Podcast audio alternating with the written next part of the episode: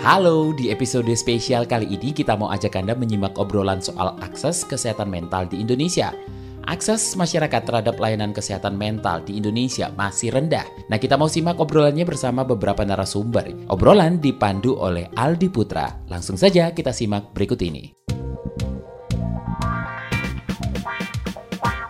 Disko, diskusi psikologi.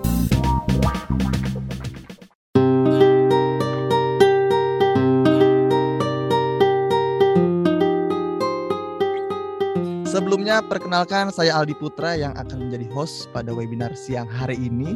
Dan hari ini kita akan membahas mengenai uh, bagaimana akses kesehatan mental di Indonesia. Karena kalau ngomongin kesehatan mental akses masyarakat terhadap pelayanan kesehatan mental di Indonesia ini kayaknya masih rendah ya teman-teman ya. Karena berdasarkan hasil survei Into the Light bersama change.org ini ternyata cuma 27% masyarakat di tanah air yang pernah mengakses layanan kesehatan mental. Dan itu pun dilakukan dengan berbagai macam pertimbangan. Misalnya, keterjangkauan biaya, ketersediaan informasi online, kemampuan komunikasi tenaga kesehatan yang baik, dan lokasinya juga mudah dijangkau dan reputasi pelayanan yang baik. Nah, maka dari itu nih, dalam webinar kita kali ini, kita akan mencari tahu mengapa akses layanan kesehatan mental yang layak itu sangat penting. Terus bagaimana ya caranya supaya semakin banyak masyarakat yang bisa mengakses layanan kesehatan mental di Indonesia. Jadi hari ini kita akan ngobrolin uh, dengan tema bagaimana akses kesehatan mental di Indonesia bersama narasumber-narasumber yang sudah hadir secara virtual. Yang pertama saya mau menyapa Mbak Jen Luvena, Pietra SPSI, MPSI, dan ini merupakan psikolog sekaligus dosen tetap Prodi Psikologi UPJ dan Sekretaris Prodi Psikologi. Selamat siang Mbak Jen. Halo, selamat siang Mas dan selamat siang untuk para yang sudah hadir di sini. Selamat siang semua. Gimana kabarnya sehat ya? Sehat, alhamdulillah. Alhamdulillah sehat. Selanjutnya ada Mbak Widya Angga yang merupakan produser podcast Diskusi Psikologi Disco KBR. Selamat siang Mbak Angga. Selamat siang Aldi, selamat siang Kak Jen. Siap. Oke, dan narasumber selanjutnya ini ada Mas Andrian Lim yang merupakan peneliti pasca doktoral Monash University Malaysia dan juga mitra penelitian Into the Light. Selamat siang Mas Andrian Lim. Selamat siang. Oke, dan seperti kita bisa langsung mulai membahas tema kita siang hari ini. Bagaimana akses kesehatan mental di Indonesia? Yang pertama saya pengen ngobrol-ngobrol dengan Mbak Jen dulu nih Mbak Jen, uh, kalau membahas tentang kesehatan mental yang ada di Indonesia, sebenarnya apa aja sih penyebab masalah kesehatan mental di kalangan anak muda? Oke, okay. nah sebetulnya kalau kita berbicara uh, faktor kali ya gitu, ya. itu sebenarnya banyak banget sih faktor-faktor yang bisa mempengaruhi kondisi kesehatan mental seseorang dan perlu dipahami juga nih ketika kita membicarakan kesehatan mental itu artinya kita juga membicarakan sebuah kontinum gitu ya, kontinum kesehatan mental. Jadi ada yang dari titik di mana kita uh, dalam kondisi ya sehat gitu ya, kita bisa uh, mengatasi masalah-masalah yang dihadapi, masalah-masalah harian, lalu berlanjut pada kontinum ada yang namanya normal bermasalah, yang mana ketika ada situasi-situasi yang menekan itu tidak bisa terselesaikan dengan baik dan tidak mengakses bahkan mungkin tidak mengakses pertolongan profesional gitu ya yeah. Ya. uh, dan bisa berdampak pada beberapa aspek kehidupan kita gitu. Dan paling ujung sebelah sana adalah kondisi yang uh, gangguan kesehatan mental atau gangguan kejiwaan serius. Gitu. Nah mungkin di situ dulu tuh agar uh, kita ada di halaman yang sama. Nah kalau berbicara faktor tadi yang saya bilang banyak banget faktornya. Tapi hmm. secara garis besar faktor-faktor itu dikelompokkan menjadi faktor internal dan juga faktor eksternal faktor internal itu adalah semua hal yang bisa uh, berdampak bagi kesehatan mental kita, tapi uh, sumbernya itu dari dalam diri kita sendiri. Kayak misalnya uh, ada faktor kepribadian, kemudian bagaimana cara kita coping, apakah kemudian kita punya riwayat uh, masalah kesehatan mental sebelumnya dan lain sebagainya. Jadi memang secara internal Sementara faktor-faktor uh, lainnya gitu yang ada di luar dari diri kita itu disebutnya faktor eksternal. Jadi kayak misalnya salah satu yang paling gampang deh, pandemi COVID-19. Iya. Gitu ya, itu adalah salah satu faktor eksternal. Gitu. Kemudian bagaimana akses uh, layanan itu juga faktor eksternal. Lalu bagaimana uh, support system kita, bagaimana uh, lingkungan sosial kita itu adalah faktor-faktor uh, eksternal gitu. Nah, kalau buat anak-anak muda ya bisa macam-macam, mulai dari pekerjaan, ya kan, faktor eksternalnya. Terus kalau masih kuliah ya faktor kuliahnya, kemudian ada dosennya, kemudian ada lingkungan keluarganya juga macam-macam sebetulnya. Dan di situlah uh, saya apa ya kompleksitas atau atau dinamika si kesehatan mental kita ini nih bermain gitu karena dari si faktor eksternal itu dia juga bisa mempengaruhi kita secara internal gitu sih sebetulnya jadi kompleks banget sebenarnya kalau ngomongin soal uh, faktor yang bisa pengaruh ke kondisi kesehatan mental kita. Oke, berarti tadi Mbak Jen menyebutkan ada dua faktor yaitu internal dan eksternal yang di mana uh, faktor eksternal itu bisa mempengaruhi uh, kesehatan mental internal kita juga Mbak Jen ya.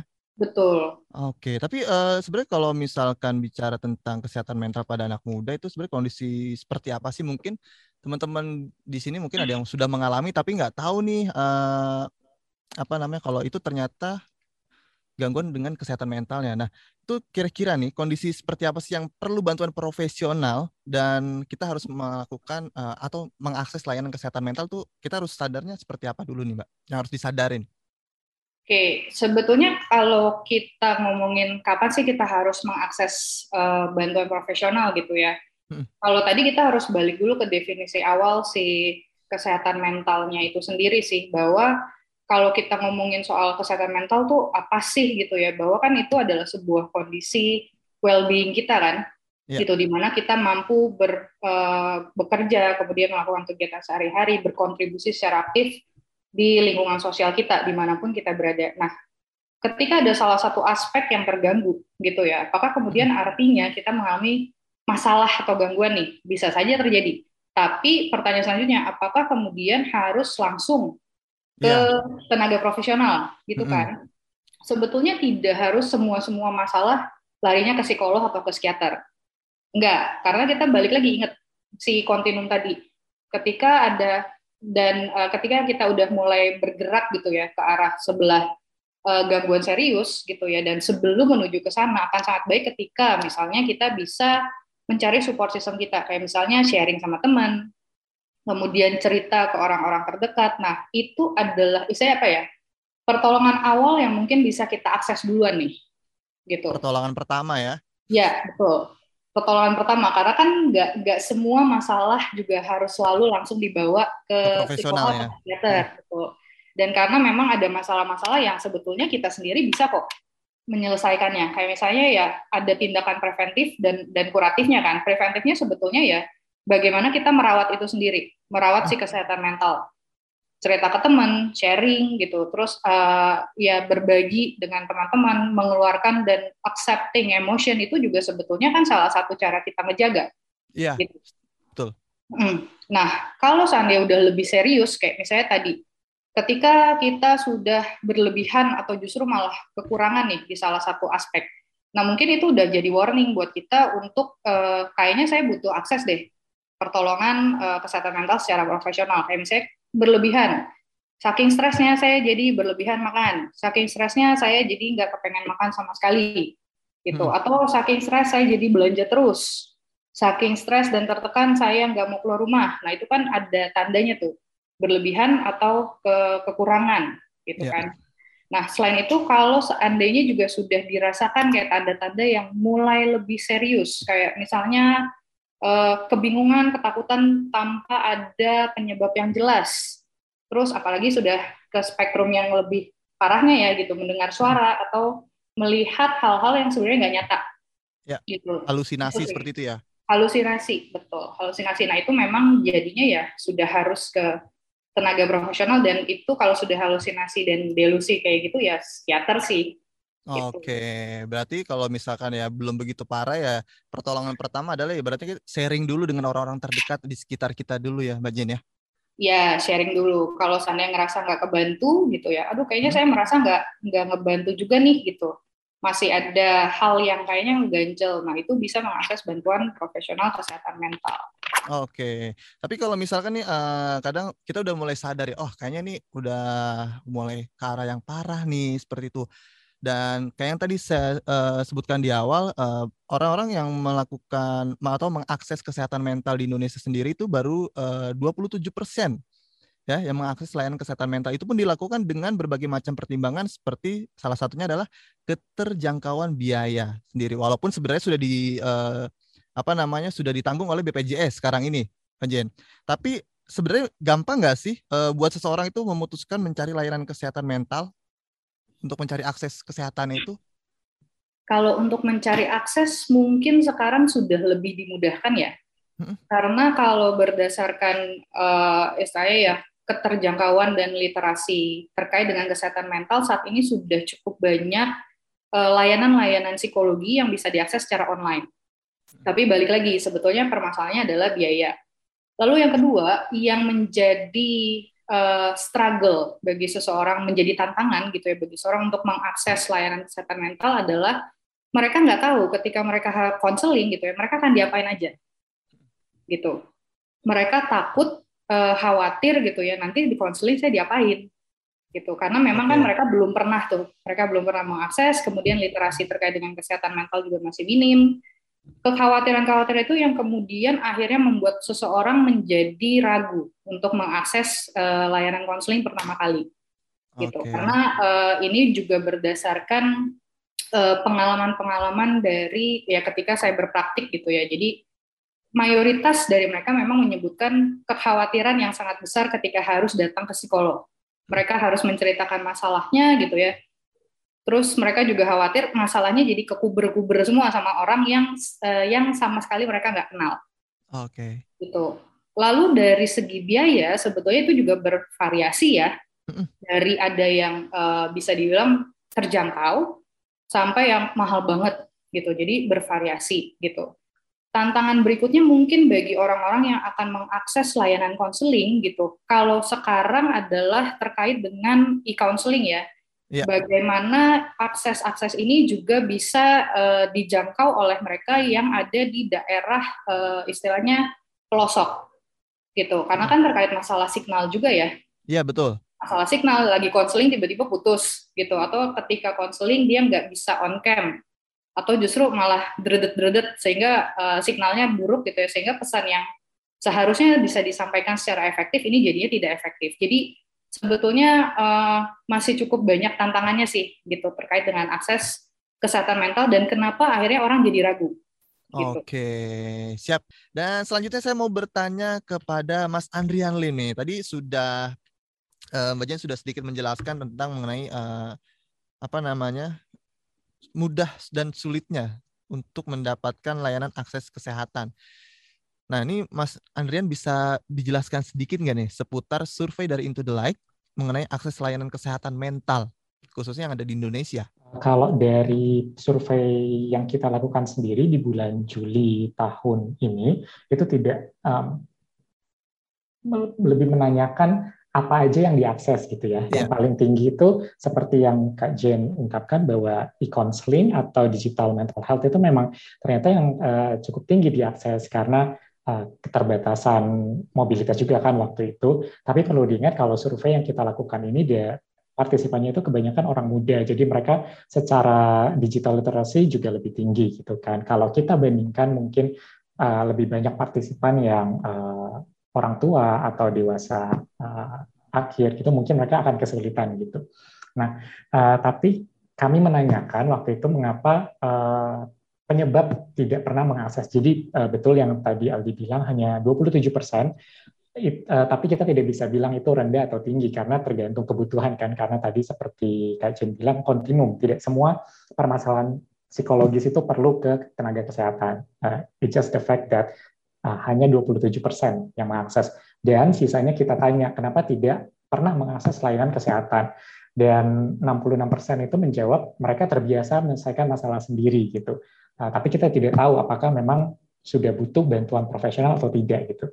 Dan 55 persen, hampir uh, lebih dari setengah gitu ya, menjawab biaya layanan dianggap tidak terjangkau. Tapi ini juga mungkin karena keterbatasan pengetahuan bahwa sudah tercover oleh BPJS seperti itu. Dan kita tanya uh, biasanya kalau ada pemikiran uh, bunuh diri karena terkait ya atau masalah kesehatan mental, apa yang biasanya dilakukan? 69 hampir 70 persen itu menjawab membaca kitab suci dan berdoa. Jadi uh, sangat budaya apa uh, bagian dari budaya Indonesia ya, religious and spiritualitas.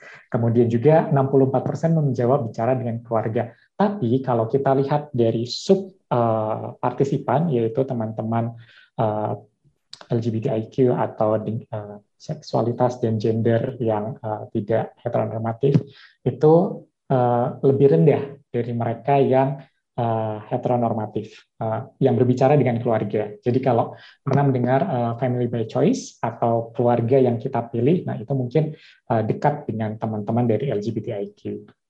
Masih banyak orang yang tidak tahu untuk mengakses kesehatan mental dan juga takut kendala biaya tadi.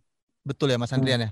Iya, okay. dan mengkonfirmasi apa yang Kak Jen bilang bahwa uh, sebentar ada sekian persen bahwa mereka uh, tidak nyaman uh, dengan pertanyaan bersifat pribadi. 45 persen itu merasa tidak nyaman. Ada ketakutan berarti? Iya. Ada ya. ketakutan terkait uh, cerita-ceritanya di apa diperdengarkan ke orang yang baru kenal seperti itu ada ketakutan juga. Nah, ya. kalau misalkan dari survei yang dilakukan oleh uh, tim Into the Light Indonesia, Kira-kira apa nih yang tercermin dari data survei tersebut terkait akses kesehatan mental?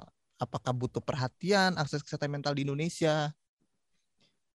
Oke, uh, yang tadi ya 27% itu kita bisa uh, lebih uh, pertanyakan juga apakah karena sebentar itu di salah satu slide saya, apakah memang mereka uh, tidak tahu bahwa ada layanan kesehatan mental di sekitarnya? Hmm. Uh, karena dari hasil survei juga tidak semua. Eh, jadi hanya dua dari lima atau empat dari sepuluh. Empat puluh persen yang tahu ada layanan kesehatan mental di sekitarnya gitu.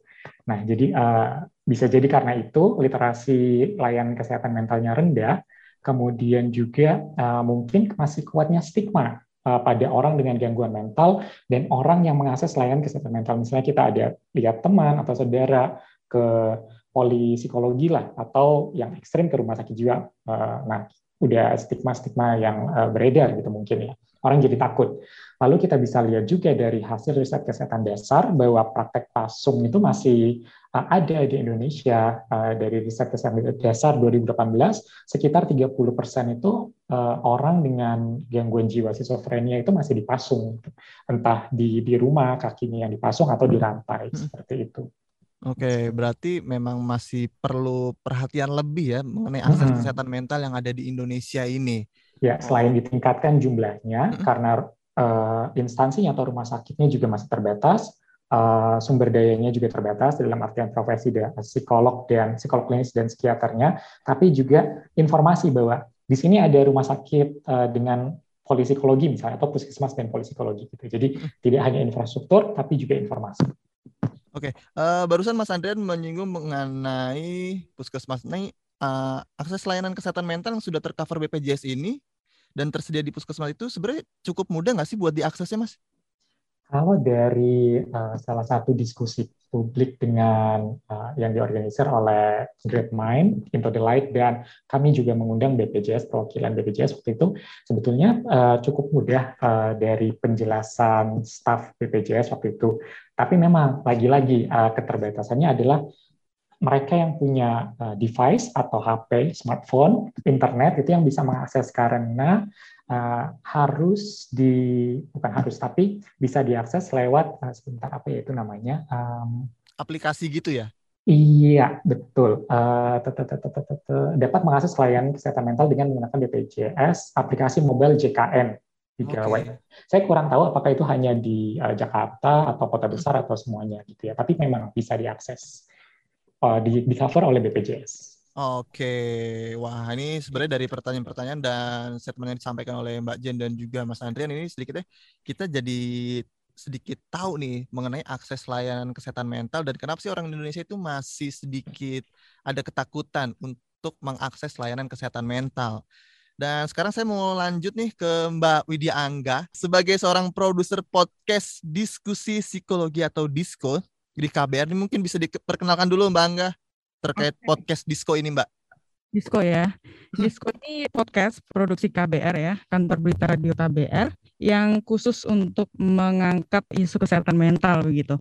Nah, dalam proses penggarapannya kita tentu saja kerjasama menggandeng komunitas Into the Light Indonesia. Ini komunitas yang concern ke isu kesehatan mental dan juga dalam satu tahun belakangan ini kita juga kerjasama dengan uh, Universitas Pembangunan Jaya atau UPJ dan juga uh, tentu saja ya kita mengajak dosen kemudian psikolog dari UPJ untuk menjadi narasumber kita salah satu salah satunya Mbak Jin tadi.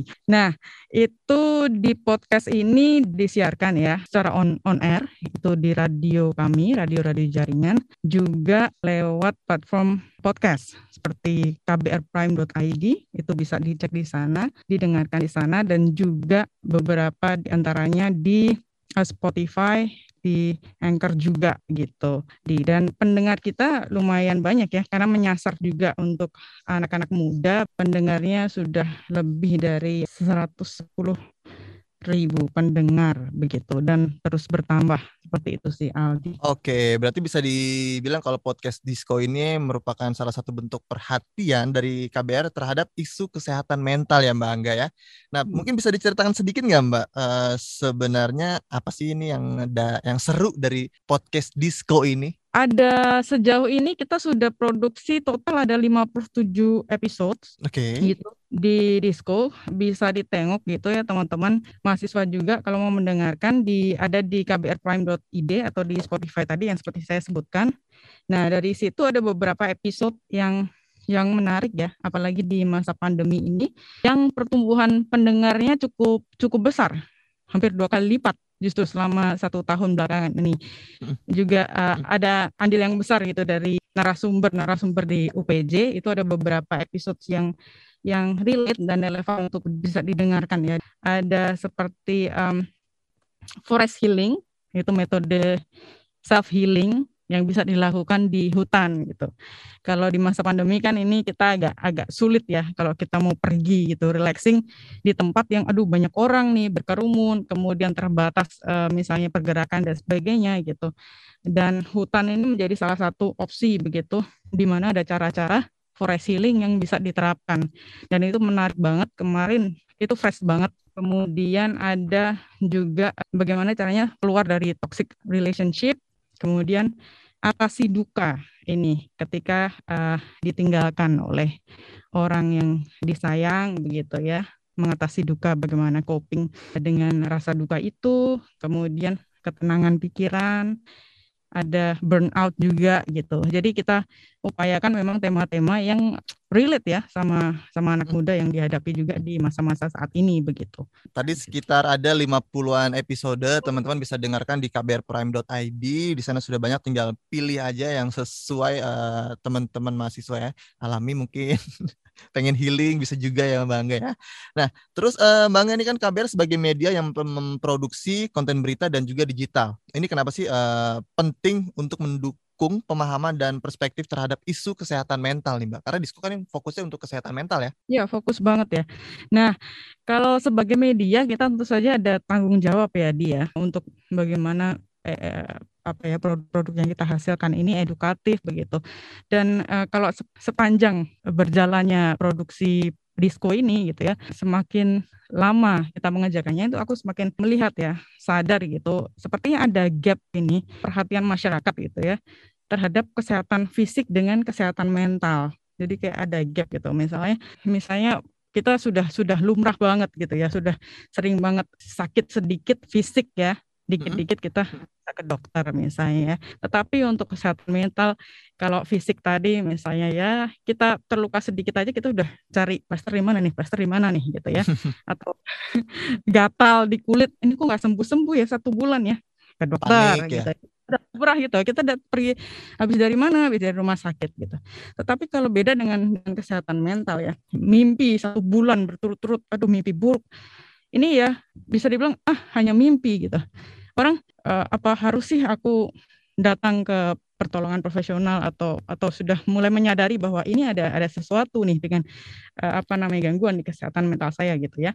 Itu itu belum belum awareness itu ya perlu dibangun ya seperti tadi yang dibilang Mas Andrian kemudian Mbak Jin juga gitu ya. Ada ada juga gap untuk bercerita dengan orang asing apalagi isu kesehatan mental. Nah, dari sini sebenarnya kita ingin memperluas ya, memperbanyak kesempatan atau ruang untuk ngobrolin kesehatan mental ini bisa diperbincangkan secara menyenangkan, kemudian membawanya jadi hal isu atau ya yang lebih umum gitu ya. Hmm. Karena mungkin setiap orang kan merasa kayak kayaknya semua orang baik-baik saja.